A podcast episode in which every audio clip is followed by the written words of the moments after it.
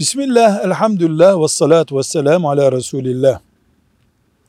Baba çocuğun malından, çocuk babanın malından çaldığında Allah katında hırsızlık günahını işlemiş olarak yazılır.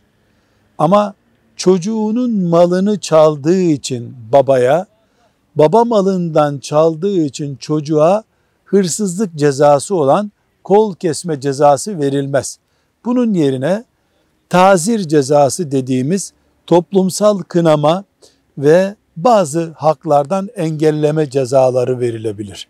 Velhamdülillahi Rabbil Alemin.